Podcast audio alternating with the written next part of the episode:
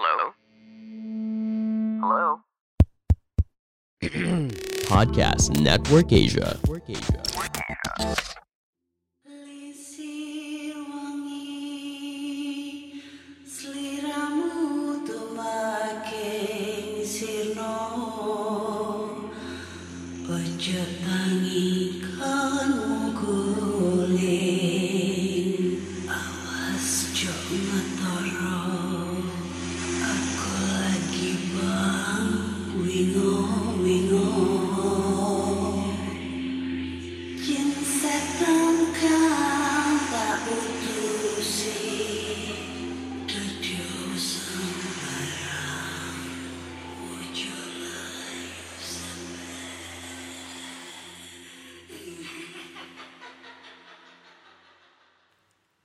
Assalamualaikum warahmatullahi wabarakatuh. Selamat datang di podcast kisah horor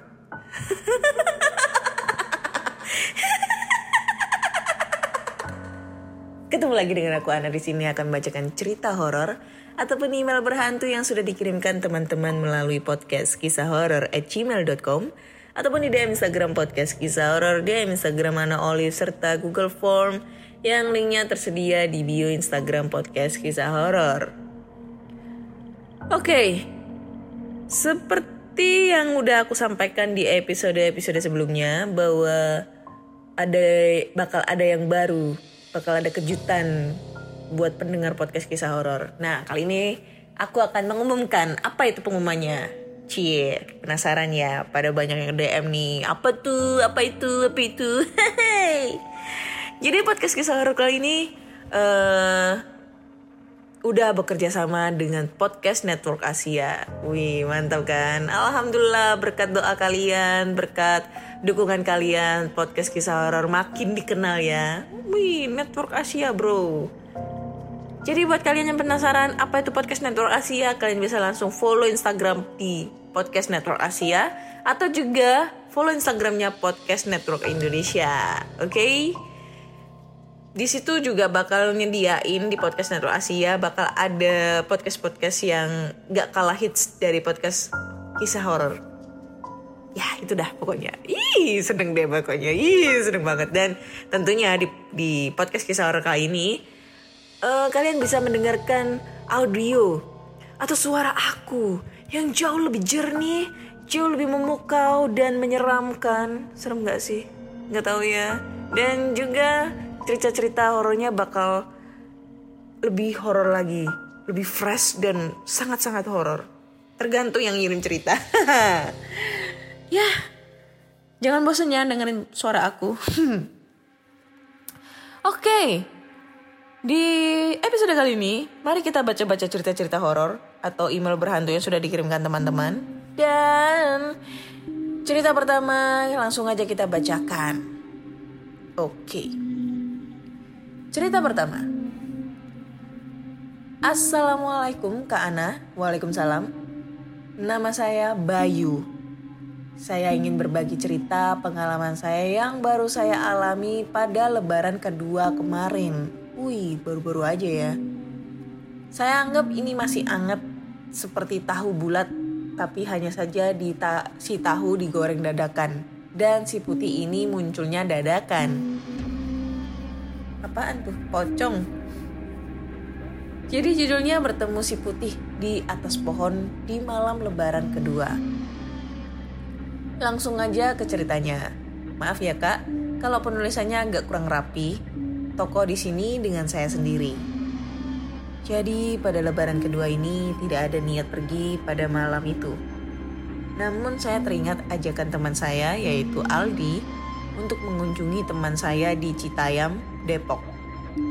Agak jauh dari rumah saya yang berada di Jagakarsa, Jaksel. Pada hari biasa bisa ditempuh 40 menitan. Dan yang bikin saya tidak niat pergi tentu saja karena semua orang yang melakukan mobilitas di hari lebaran ini. Saya saat sebelum berangkat mempunyai firasat aneh. Entah kenapa, saya memilih baju bat, baju batik putih yang bercorak ungu di lemari saya. Padahal masih banyak yang lain dan saya tidak berpikiran aneh di situ. Pas berangkat ke rumah teman saya jam 7 malam, ternyata macet banget. Sesuai dengan info-info di Instagram yang saya lihat sebelum berangkat. Eh, sesuai info dengan info-info di Instagram yang yang saya lihat sebelum berangkat. Titik ini seharusnya bukan koma. Singkat cerita, saya sudah sampai di rumah teman saya di Citayam. Kami mengobrolkan apa saja sampai kami malas untuk membuat topik baru. Dan benar saja, teman saya Aldi pulang jam 9 malam setelah keheningan tadi untuk menemani mamanya yang baru sehat. Tinggal saya dan teman saya yang mengobrol semua hal dari yang serius hingga tidak penting. Singkat cerita, saya memahami kondisi teman saya yang kurang sehat. Saya lalu memutuskan untuk pulang. Ketika saat perjalanan pulang, saya merasa angin sedikit agak kencang selama perjalanan. Kaget. Pas melihat langit, apakah mau hujan? Keraguan saya terhenti pas melihat langit yang pada malam ini sangat terang bulan. Wah, purnama, saya pikir. Indah sekali. Semakin syahdu perjalanan pulang ini tanpa langsung, eh, tanpa dirasa, saya melihat jam sudah malam hampir jam 11. Saya langsung gaspol pada malam itu lewat jalan raya Citayam. Lalu jalan raya Margonda. Kemudian saya kaget sekali. Selama perjalanan saya selama perjalanan saya Kok jalanan sepi sekali, tidak seramai jam 7 malam tadi. Keheningan selama perjalanan dan warna lampu gedung di jalan menemani saya. Saat saya melewati bundaran akses UI yang mengarah Jakarta, saya teringat dan di sini saya sialnya bersugesti tentang cerita-cerita seram orang saat melewati jalan ini. Apa nih? Saat melewati jalan ini tengah malam. Dan saya pun hanya terus positif thinking dan berdoa selama saya melewati jalan ini. Eh aduh. Dan berdoa sel, sel, dan berdoa selama saya melewati jalan ini. Oh iya. Nggak ada tanda bacanya anjir dan alhamdulillah saya tidak mengalami kejadian aneh-aneh cuma merinding saat sugesti tadi Sepanjang jalan menuju rumah, saya sangat ingat cerita bapak saya soal sepanjang jalan sepanjang jalan saya dari kampus Polimedia Kreatif atau Polmed itu dulu adalah kuburan warga sekitar. Jadi dulu kuburan itu dipindah atau ditiban bab. Ditiban bapak nggak tahu banyak. Karena saat saya kecil sebagian memang sudah jadi rumah warga. Saya tahunya sudah seperti itu dan kampus Polmed itu baru sekitar 2019 yang saya ingat. Pas saya melewati sepanjang jalan itu memasuki kompleks saya, eh memasuki komplek, anjir, gak ada tanda baca. Saya kaget mengapa mesin motor metik saya seperti tersendat-sendat saat melewati jalan agak menanjak. Hmm. Dan di sini saya merinding seperti keluar keringat dingin. Karena apa saya eh dingin. Apa saya terlalu termakan sugesti? Tapi rasa ini berbeda pandangan saya melihat speedometer benar jam 12 malam lewat 10. Cukup lama saya di jalan saya di jalan. Saya melihat ke depan untuk melihat ke dep untuk melihat ke depan karena panik karena panik, wanjay gak ada tanda bacanya. Karena panik saya fokus ke satu pohon paling bersinar. Kalau saya lihat ada putih gitu. Ah, paling perasaan saja kali. Tapi pas saya fokuskan dan baca bismillah, ternyata ini bagian seramnya. Bukan karung yang saya lihat, tapi sebuah kain putih. Langsung saya saat itu agak memelankan gas motor saat lewat tanjakan yang di tengah dan di pinggir jalan pohon itu. Hah? Yang di yang lewat jalanan tanjakan yang di tengah. dan di pohon dan di pinggir jalan pohon. Ah, apa sih ini? Bener, itu orang nangkring, tapi nggak ada kakinya, hanya tertutup kain. Untung aja nggak ketawa. Saya pikir pas sudah deket pohon itu, eh saya pikir pas sudah dok- deket di pohon itu.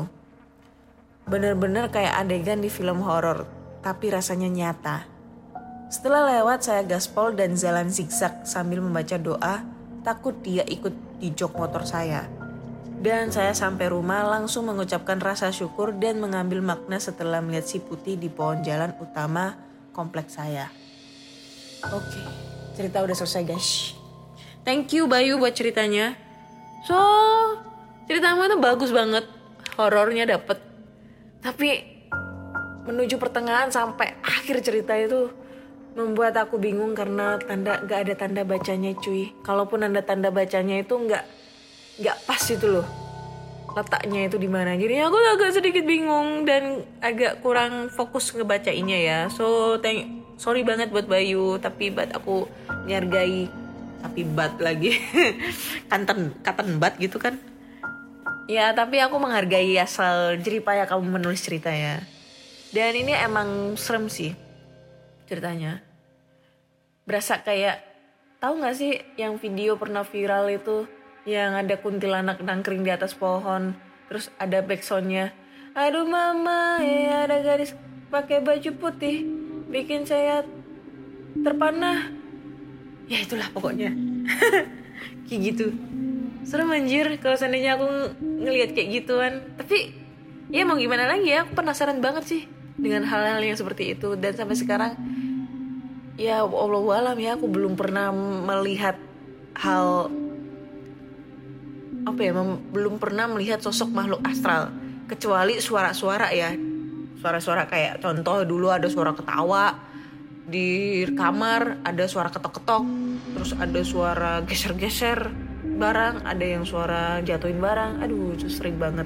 Tapi kalau untuk sosok aku belum pernah sih. Tapi nggak tahu sih kalau misalnya aku ditampakin sosok itu apakah aku bisa sekuat orang-orang yang en- enteng banget gitu kalau ngelihatnya itu aduh pengen deh. Terus ini yang aku jadi agak pertanyaan.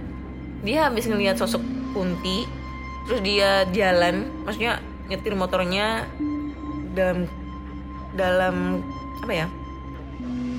Nyetir motornya jalannya zigzag sambil baca doa. Kalau setahuku sih kalau zigzag itu kalau dia dikejar pocong ya kalau dikejar pocong itu kalau kita lari ataupun mungkin naik kendaraan kalau bisa jalannya zigzag. Tapi kalau kuntilanak emang jalannya harus zigzag juga ya? Gitu. Secara kalau pocong kalau kalian tahu ya pocong itu dia nggak pernah lompat tapi dia terbang cuy melayang cur gitu kan. Cepet banget. Nah itu katanya itu kalau kita ngeliat pocong dikejar pocong usahakan kita larinya zigzag karena katanya itu pocong nggak bisa larinya belak-belok bisanya cuma lurus gitu. Jadi kalau misalnya kita larinya zigzag dia bakal ketinggalan di belakang atau nggak gitu dia gak bakal bisa uh, ngikutin kita. Katanya sih kayak gitu. Tapi kalau ketemu pocong usahakan kalian menghindar dari tuh pocong. Karena sekali kalian diludahi buh baunya nggak bakalan hilang sampai tiga bulan. Bau bangke beneran. Ini pernah terjadi sama temennya temen aku. Aku pernah diceritain nih. Ya ceritanya lagi nongkrong terus habis itu ya biasalah kalau kita nongkrong itu kalau udah kehabisan topik pasti ada topik-topik cerita-cerita horor nih walaupun siang atau malam gitu kan. Yang penting ada topik topik ngobrol buat ngopi gitu kan. Hmm. jadi tuh uh, temennya temanku katanya sih ya pernah dia cerita waktu dia pulang kerja atau apa gitu. Nah dia tuh ngelewatin area sepi karena kebetulan dia tuh kerjanya di luar kota dan area rumah sama eh rumah. Tempat kerjanya sama kos-kosnya itu jauh dan lokasi kos-kosannya itu agak kayak melosok ngelewatin sawah kebon gitu loh. Nah pas perjalanan pulang dia kebetulan habis lembur pulang malam dia kebetulan ketemu pocong. Nah pas ketemu pocong itu dia lari tapi si pocong dia larinya lurus sih. Tapi si pocong itu bisa ngejar gitu loh. Terus nggak tahu entah itu apa ya pokoknya itu dia ngerasa kayak ada basah-basah di rambutnya gitu loh. Padahal dia itu pakai helm. Ya kan dia mikirkan logika ini air dari mana? Secara kalau keringet enggak. Kalau misalnya hu kena hujan enggak karena pakai helm dan posisinya juga nggak kena hujan nah pas dicek itu dia dia cek uh, apa namanya rambutnya itu terus dibau, wih baunya bau bangkai kayak bangkai tikus yang udah busuk selama seminggu katanya kayak gitu. Pokoknya bau banget dan itu baunya nggak hilang-hilang sampai tiga bulan. Jadi baunya bisa hilang katanya dia datang ke kan mikirnya dia itu kan ini penyakit ya. Tapi pas dia cerita ke saudaranya terus dia bilang kayak ada yang basah ketemu pocong habis itu ada yang basah-basah di rambutnya dia si tem, si siapa? Temennya apa saudaranya itu bilang kalau dia itu harus diludahin. Dan sembuhnya itu harus apa ya? Mandi kembang atau mandi di ini pokoknya di sumber mata air kayak kali-kali yang masih jernih airnya gitu loh yang ada air terjunnya gitu. Dia harus mandi di situ supaya ngilangin baunya.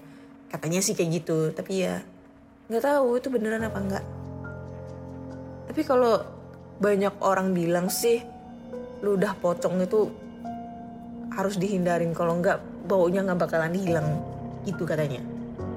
So buat kalian semua mungkin ada pengalaman tentang pernah diludahin pocong ya selain diludahin mantan atau diludahin uh, pacar lu sendiri mungkin pernah diludahin pocong langsung aja kirim ceritanya ke podcast kisah horor. Kalau diludahin pacar pacar atau selingkuhan lo nggak usah cerita di podcast kisah horor. Itu nggak horor itu jadi jatuhnya. Itu berasa suatu apa ya yo derita lo. Anjay oke okay, next kita langsung aja ke cerita kedua okay.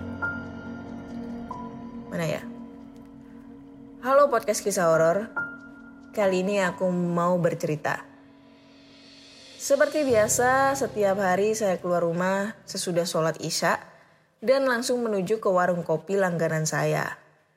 Dan sesampai di sana, teman-teman saya sudah pada berkumpul di luar warung kopi.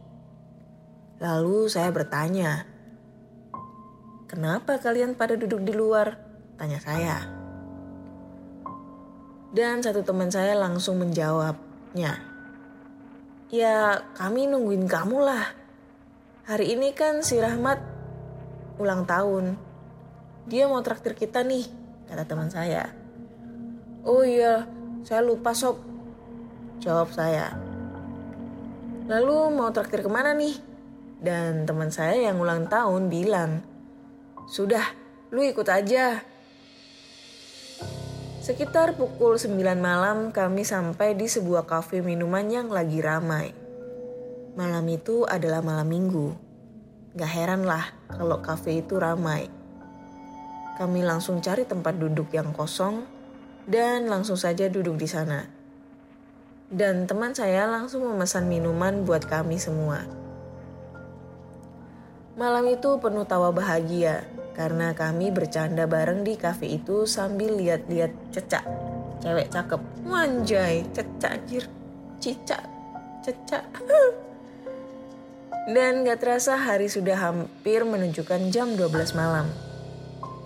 Lalu saya mengajak teman-teman saya untuk pulang. Di tengah perjalanan kami pun satu persatu berpisah untuk pulang ke rumah masing-masing. Tapi ada juga teman saya yang nyambung duduk ke warung kopi. Tinggal saya dan teman saya yang saya bonceng. Lalu dia ngajak saya tidur di rumahnya karena orang tuanya lagi lagi keluar kota lihat acara pesta perkawinan anak temennya di sana. Dan dia cuma tinggal sama nenek dan satu adiknya laki-laki. Saya pun langsung menuju rumah teman saya itu. Dan di jalan, saya mau berhenti untuk buang air kecil. Tapi teman saya bilang, "Sudah, tahan aja bentar. bentar lagi udah sampai rumah saya kok, bilangnya. Saya pun lanjutin jalan. Setibanya di depan rumah teman saya, jam sudah sorry sorry sorry. Jam sudah menunjukkan pukul setengah satu malam. Dia langsung turun untuk membuka kunci pagar rumahnya. Dan saya saat itu sudah gak tahan buang air kecil. Saya pun turun dari motor dan nyuruh teman saya buat masukin motor ke rumahnya. Lalu saya pergi kencing ke sebelah rumahnya. Di sebelah rumah teman saya itu ada dua buah rumah dari kiri rumahnya. Yang rumah pertama mungkin orangnya udah pada tidur. Saya cuma lihat lampu terasnya aja yang nyala. Dan sebelahnya lagi, saya lihat rumah itu ramai, kayak ada pesta gitu. Pas saya sudah siap kencing, tiba-tiba ada seseorang dari rumah yang lagi pesta itu yang menghampiri saya. Lalu dia bilang, mampir dulu dek ke rumah bapak, katanya. Lalu saya cuma jawab, iya pak, makasih. Bapak itu langsung saja pergi balik ke rumah pesta itu. Saya merasa waktu itu biasa-biasa aja. Lalu saya masuk ke rumah teman saya tadi. Dia yang lagi nunggu saya di dalam rumah langsung saya tanya, Sob, lagi pesta apaan tuh? Orang di rumah sebelah rumah tetangga lu tuh. Tanya saya dan dia mengkerutkan keningnya seperti orang keheranan. Lalu dia bilang, mana ada orang pesta di sini? Gak lihat lu harus udah malam, katanya. Terus saya bilang ke dia, kalau lu gak percaya lihat tuh di luar. Lalu kami berdua pun keluar.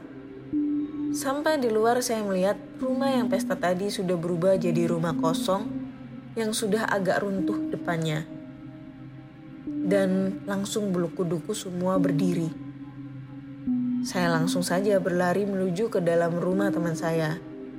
Dan teman saya pun ikut lari ke dalam rumah. Setiba di dalam saya menjelaskan semua yang saya alami tadi. Lalu teman saya berkata, rumah itu udah belasan tahun kosong dan gak ada penghuninya. Memang di sana orang sering lihatnya, lihatnya yang begituan, katanya. Malam itu saya nggak bisa tidur sampai pagi karena kejadian tersebut. Thank you Kak Ana udah dibacakan. Mohon maaf jika ceritanya terlalu panjang. Oke, okay, thank you. Siapa tadi namanya nggak tahu, nggak dikasih tahu namanya. Ya ini karena efek lu kencing di sembarangan tempat, ya. Jadinya ngelihat gituan lah. Ya itulah pokoknya. Ya biasalah kalau cowok-cowok itu gampang banget ya mau kencing di mana aja. Kencing di pinggir jalan di pinggir tembok di di pohon di mana di ya di mana aja lah di pinggir jalan di mana aja lah tinggal tinggal standartin motor langsung kencing. Cuma buka resleting cur udah. Beda dengan kami para wanita. Mau kebelet kencing itu harus nyari toilet dulu. Entah itu di pom bensin entah itu di minimarket. Nggak bisa kami tahan itu. Nggak bisa kami itu kencing seperti kalian di pinggir jalan. Mau gimana kita kencing? Apakah kita, apakah kita harus pelorot dulu celananya? Terus habis itu uh, kita kencing seenaknya gitu kayak kalian. Kita nggak bisa sebebas itu. Karena kita harus harus lepas dulu celananya celana luar, celana dalam, jongkok, pipis. Kalaupun kita pipis di di rumput-rumput, yang jadi resiko adalah itu rumput nyocrok, nyocrok, jadinya gatel-gatel. Beda sama kalian. Kalian pipis dengan berdiri, kita pipis dengan jongkok. Sedihnya para perempuan seperti ini. itu ya.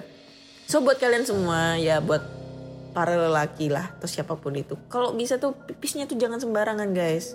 Pipis ngeludah ataupun mungkin ngomong-ngomong yang tidak baik gitu. Jangan di tempat sembarangan ataupun mungkin ya membuat tempat yang sekiranya kita tuh asing banget.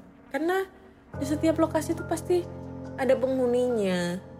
Jadi kalau kalian pipisin itu pasti mereka juga nggak terima gitu loh. Bau pesing gitu loh tempat mereka masa iya mereka harus kalian suruh kuras itu apa ngosekin bersihin? Kan nggak mungkin gitu loh. Mau dilap pakai apa gitu? Mau pakai bajunya kunti gitu dilap. Sedangkan yang kalian pipisin adalah bajunya sendiri. Bingung kan nyucinya kayak gimana? Najis harus pakai pasir dulu. Kayak gitu anjir. Aduh. Susah ya jadi perempuan pipis aja susah. Mau mau kebelet pipis tuh harus nyari nyari tempat buat pipis dulu. Kalau udah kebelet banget ya mau nggak mau ngompol. Kalau cowok mah seret berpipis nih. Standar tim motor cari pohon cari tembok langsung keluarin. Cur selesai nggak basah. Berdiri aja pipisnya nggak pakai jongkok. Coba kalian rasakan pipis jongkok itu kayak gimana? Ya intermezzo ya guys. Gak usah dibawa bawa ya dibawa. Santai aja. Oke okay, next. Kita lanjut ke cerita berikutnya. So buat kalian semua ya, aku ingetin lagi jangan jangan ini ya, jangan pipis sembarangan, jangan geludah sembarangan, jangan berkata kasar di tempat yang sekiranya asing. Karena di lokasi yang tidak kena yang tidak kita kenal itu juga ada penunggunya. Jadi kita harus saling menghormati guys, gitu kan.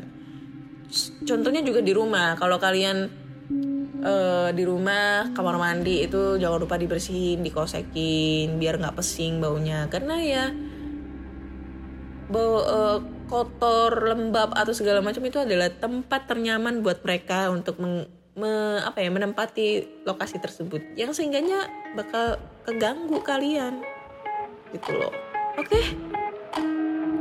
Siapa di sini yang suka nonton film horor? Sama nih kayak aku. Aku tuh suka banget nonton film horor, apalagi yang lagi tayang di bioskop. Tapi kadang suka kesel, giliran mau nonton, eh filmnya udah selesai. Bingung mau nonton di mana. Secara di YouTube juga nggak ada. Nah, akhirnya aku punya ide nih. Aku pakai VPN buat ngakses film horor yang nggak bisa diakses di Indonesia.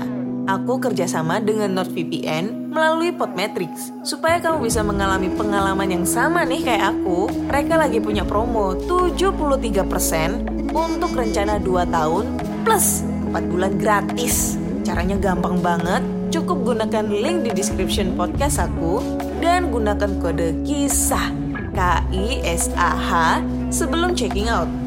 Mereka juga menawarkan 30 hari promo garansi uang kembali. Apalagi yang kamu tunggu?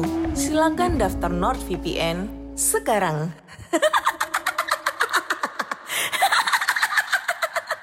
Next, kita lanjut ke cerita berikutnya. Cerita berikutnya. Ini udah apa belum ya? Oke. Okay.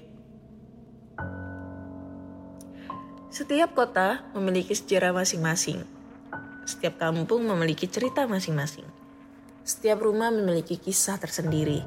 Dan kisah terikut ini adalah kisah nyata yang terjadi di sudut utara Yogyakarta.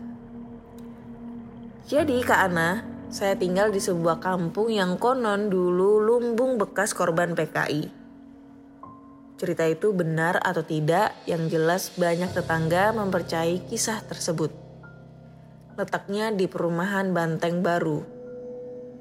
Kalau kamu, kalau Kak Ana ingin tahu perumahan Banteng Baru, letaknya berada di belakangan Angkringan Mojo. Perumahan ini terdiri dari tujuh bagian, dari Benteng Baru 1 sampai 7. Dulu orang tua saya ngontrak di sebuah rumah yang terletak di, ben, di Banteng Baru 3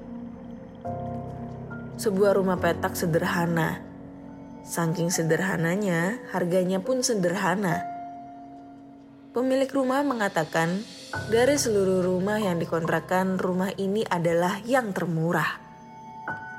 Karena saat itu orang tua tak ingin mencari-cari lagi, rumah ini kemudian menjadi rumah kontrakan pertama. Ditempati selama 8 tahun, mulai dari 91 sampai 99. Sekilas tidak ada yang aneh. Namun, kalau dilihat, dilihat dari luar, rumah ini memang singup, singup. Seperti ada makhluk asing yang menempatinya. Awalnya saya tak yakin, begitu pula orang tua saya. Tapi saat itu sang pemilik kontrakan memberikan kabar yang mengejutkan. Bapak ini orang pertama yang mengontrak di sini. Sebelumnya tak ada yang mau, tak ada yang mau karena katanya angker. Makanya saya kasih harga paling murah. Bapak saya tak peduli. Toh asal dia tak mengganggu kita, segalanya biasa saja. Kenyataannya lain. Perkataan pemilik kontrakan bukan isapan jempol belaka. Pada minggu-minggu awal tak ada sesuatu yang terjadi, baik siang maupun malam hari. Namun, semua berubah ketika memasuki bulan ketiga. Bulan yang kami sebut bulan perkenalan. Setiap maghrib, saat Bapak hendak pergi ke masjid dengan motor, selalu ada kehane keanehan terjadi pada motor. Motor sudah posisi on, tinggal di starter tangan. Gagal. Bahkan hingga percobaan ketiga, begitu pula saat mencoba starter kaki. Gagal. Hingga percobaan ketiga pula. Akhirnya motor kembali dalam posisi off. Kemudian dinyalakan kembali dengan starter tangan. Ajaibnya kali ini berhasil. Bapak hanya bingung dan peristiwa ini berlanjut dari bulan keempat hingga keenam. Jika Bapak diisengi saat maghrib, gangguan yang sebenarnya akan terjadi selepas maghrib. Kadang ada ketukan tak jelas di langit-langit. Tapi gangguan lain lebih banyak terjadi di area pagar. Kejadian paling mencengangkan terjadi saat menjelang tidur. Saya adalah orang terakhir yang tidur Maklum, saat itu musim film by Watch atau MacGyver. Wih, by Watch, film legenda itu. Bagus banget. Jadi sayang untuk dilewatkan. Menjelang film selesai, ada ketukan di pintu sebanyak tiga kali. Awalnya saya hiraukan. Kembali diketuk tiga kali. Saya anggap angin lalu. Bukannya berhenti, malah menambah ketukan hingga menjadi lima kali. Karena kesal, saya membuka pintu tersebut dengan paksa. Dan kamu tahu apa yang saya lihat? Sesosok perempuan dengan sepasang gigi terjulur hingga menyentuh kaki. Belum lagi yang berwarna kecolok kecoklatan hingga menimbulkan bau amis. Hah? Gigi terjulur, sepasang gigi terjulur giginya panjang gitu. Dan yang paling mengerikan adalah matanya. Kak Ana tahu Matt A dalam film Harry Potter? Ya begitulah bentuknya. Saya menangis sejadi-jadinya. Bapak dan ibu saya mungkin sedang memadu kasih terbangun seketika. Bapak lari ke depan melihat saya menangis, kemudian memeluk saya. Menenangkan. Saat Bapak mengecek keluar, tak ada apa-apa. Hanya angin yang berhembus dari selatan menuju utara. Setelah peristiwa itu, saya lebih suka tidur awal, melewatkan dua film tersebut. Apa boleh buat, daripada saya bertemu dia lagi, saya pun enggan mengingatnya walaupun wajahnya hingga kini masih membekas di pikiran saya. Esoknya giliran bapak yang mengalami kejadian serupa. Bapak melihat ibu sedang duduk santai di ruang tamu dengan mengenakan gaun merah. Saat dipanggil, ibu bukannya menoleh, tapi lebih memilih keluar rumah. Lantas, bapak pun mengikuti langkah ibu. Saat menuju halaman, terdengar suara ibu memanggil bapak dari dapur. Karena terkejut, bapak menoleh ke belakang dan menjawab panggilan ibu. Namun sepersekian detik, bapak berpikir, kalau dari belakang suara ibu, maka di depan itu siapa? Saat kembali menoleh ke depan, dia sudah tidak ada. hilang, lenyap, tak berbekas. Bapak hanya terdiam dan berdoa. Anjir, serem jir. Peristiwa tersebut berulang hingga beberapa tahun selanjutnya. Sampai-sampai kami terbiasa dengan tingkah laku dia. Suka muncul dan menghilang tiba-tiba. Namun kali ini lain. Ibu mengalami peristiwa tidak biasanya. Saat menjelang tidur, ibu memperhatikan ruang tamu. Ternyata ada dia. Lampu dimatikan ia duduk menundukkan ke, menundukkan kepala. Aduh, kok merinding. Oh my god.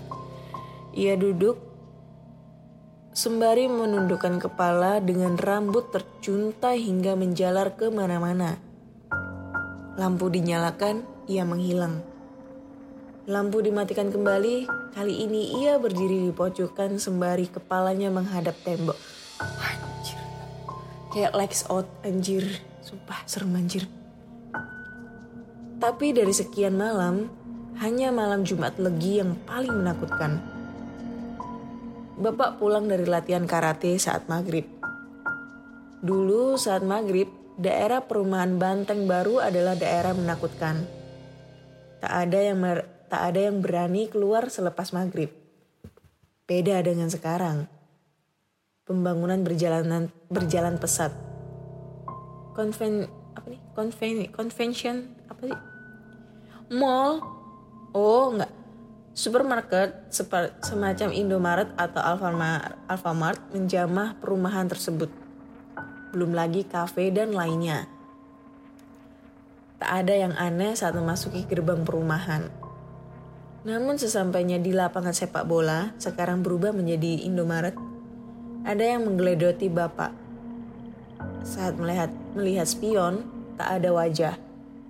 Namun saat sekelebat wajah bapak menoleh ke belakang, ada peti yang terangkut. Anjir, peti kosong. Entah maksudnya apa. Anjir, peti, anjir, peti mati ya mungkin ini ya. Sesampainya di rumah, Bapak menceritakan peristiwa tersebut kepada kami. Kami hanya bisa berdoa namun tiba-tiba ada suara wanita menangis di halaman. Saya dan ketiga adik, adik serta ibu hanya duduk di ruang keluarga sembari berdoa. Saat bapak menuju halaman, suara tersebut pindah ke kamar mandi. Dikejar lagi, suara pindah ke kamar tamu. Dikejar kembali, kali ini suara tersebut pindah ke dapur. Bapak berjalan pelan menuju dapur. Sesampainya di sana, suara tersebut menghilang. Sekitar lima menit kemudian, suara tersebut muncul di halaman belakang. Lebih tepatnya, berada di pohon nangka. Dengan berbekal tasbih dan Al-Quran, Bapak mengajak ibu bergegas ke pohon nangka. Sedangkan saya ditugaskan menjaga adik saya. Kata bapak, bentuknya lebih hancur dari apa yang saya lihat. Darah bersimbah di mana-mana dan posisinya yang cukup mengerikan. Ia tampak tergantung seperti orang bunuh diri. Anjim! Aduh, serem banget sumpah. Merinding anjir. Saya tak tahu mengapa dia sampai gunung gantung diri. Gunung sampean.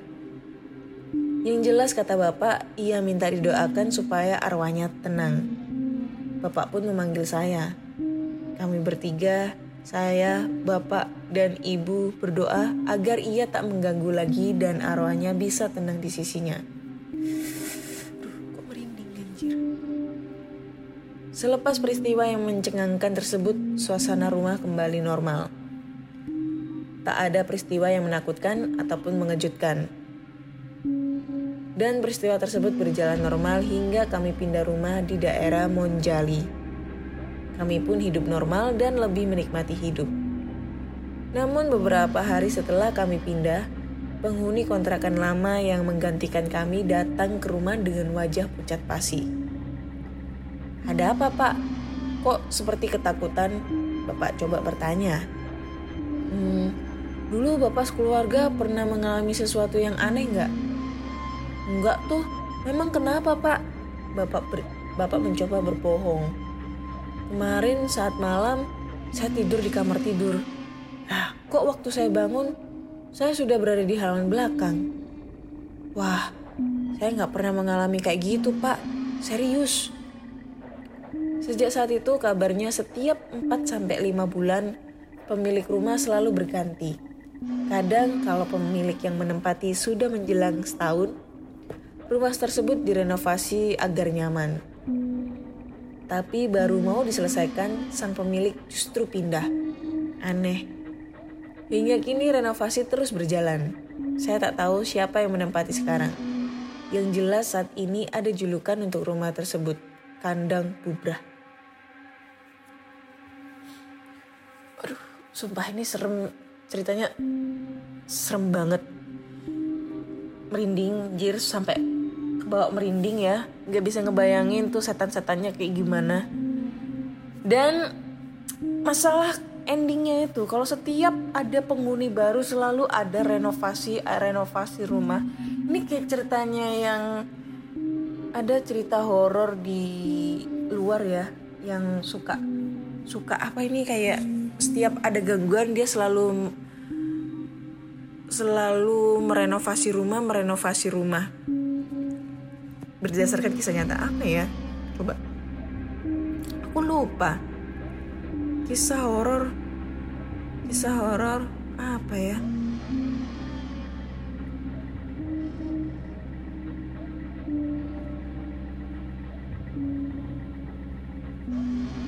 Coba ntar sih?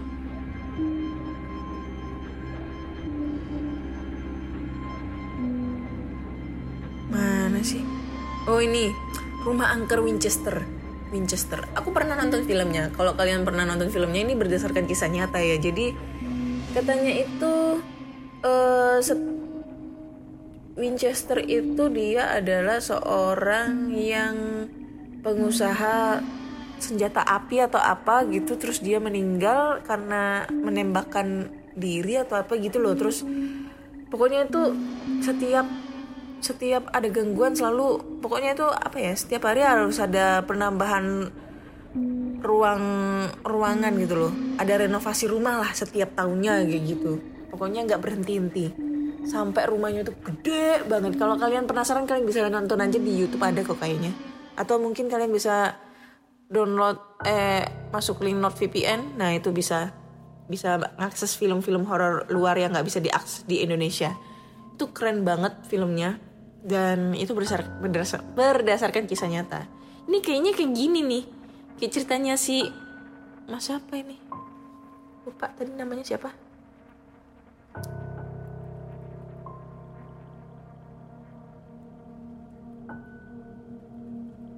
Hmm, apa tadi namanya? Lupa. Ya itulah pokoknya. Itu. Jadi ceritanya itu tentang kandang apa tadi yang dihantu diganggu lah. Dan rumahnya itu sekarang di ya punya julukan dengan julukan kandang bubrah. Sedangkan ini kandang bubrah itu kalau aku search di di apa namanya di ini di Google banyak banget tentang apa namanya eh, cerita-cerita tentang kandang bubrah dan rata-rata ini kalau aku lihat di Google kandang bubrah itu termasuk dalam hal ilmu pesugihan. Tapi aku nggak tahu nih maksudnya kayak gimana nih ilmu, ilmu pesugihan kandang bubrah itu. Ini ya, coba ya aku cek di sini. Kandang bubrah itu apa sih? Ini kalau kalau dilihat di Google itu malah ya ini kasus pesugihan dan kondom berubah itu berbentuk kayak mustika. Anjay, dijual bro di di Bukalapak. 300 ribu anjir. Ada yang 80 ribu anjir lah. Ini kayak gimana gitu bentuknya ya kandang bubrah dijual. Anjay. Ini kalau dijadiin film keren ini sumpah ini cerita horor kalau dijadiin film keren ini. Nggak bisa ngebayangin tuh sosok hantunya kayak gimana. Dan pada saat aku ngeban ngebaca pas adeg adegan dia ketemu sosok hantu eh hantu hantu jujur merinding banget. Bulu kuduku di leher itu apa merinding berdiri semua. Mulai parno aku nggak berani ke kamar mandi sekarang dan ini sebenarnya aku mau ngambil charger HP aku gak berani ke bawah anjir lah. Nggak bisa mainin HP serem sumpah. Gila. Keren nih ceritanya. Keren mas ceritanya sumpah. Thank you mas ceritanya. Aduh. Closing yang sangat menghororkan. Aduh. Aduh duh. udah merinding deh. Merinding. Nggak kuat aku. Oke deh udah tiga cerita yang udah aku bacain di episode kali ini. Thank you banget buat teman-teman semua yang udah ngedengerin podcast kisah horor.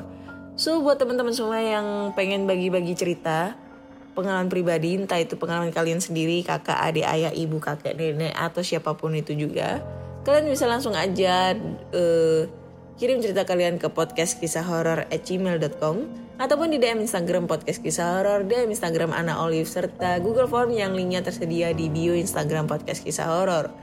Jangan lupa follow Instagram podcast kisah horor agar kalian selalu nggak ngapa-ngapain sih follow aja biar jadi selebgram akunya Terus jangan lupa follow juga podcast kisah horor di Spotify agar kalian selalu update cerita-cerita horor terbaru. Dan jangan lupa follow juga Instagramnya Podcast Network Asia dan Podcast Network Indonesia. Dan di situ nanti kalian bisa mengetahui uh, podcast-podcast yang sangat digandrungi banyak orang. Itu apa aja. Di situ banyak referensi podcast podcast masa kini gitu. Termasuk podcast kisah horor Hai. Oke thank you semua buat yang ngedengerin podcast kisah horor akhir kata saya Ana mohon undur diri bye bye Pandangan dan opini yang disampaikan oleh kreator podcast, host, dan tamu tidak mencerminkan kebijakan resmi dan bagian dari podcast Network Asia. Setiap konten yang disampaikan mereka di dalam podcast adalah opini mereka sendiri dan tidak bermaksud untuk merugikan agama, grup etnik, perkumpulan, organisasi, perusahaan, perorangan, atau siapa pun dan apa pun.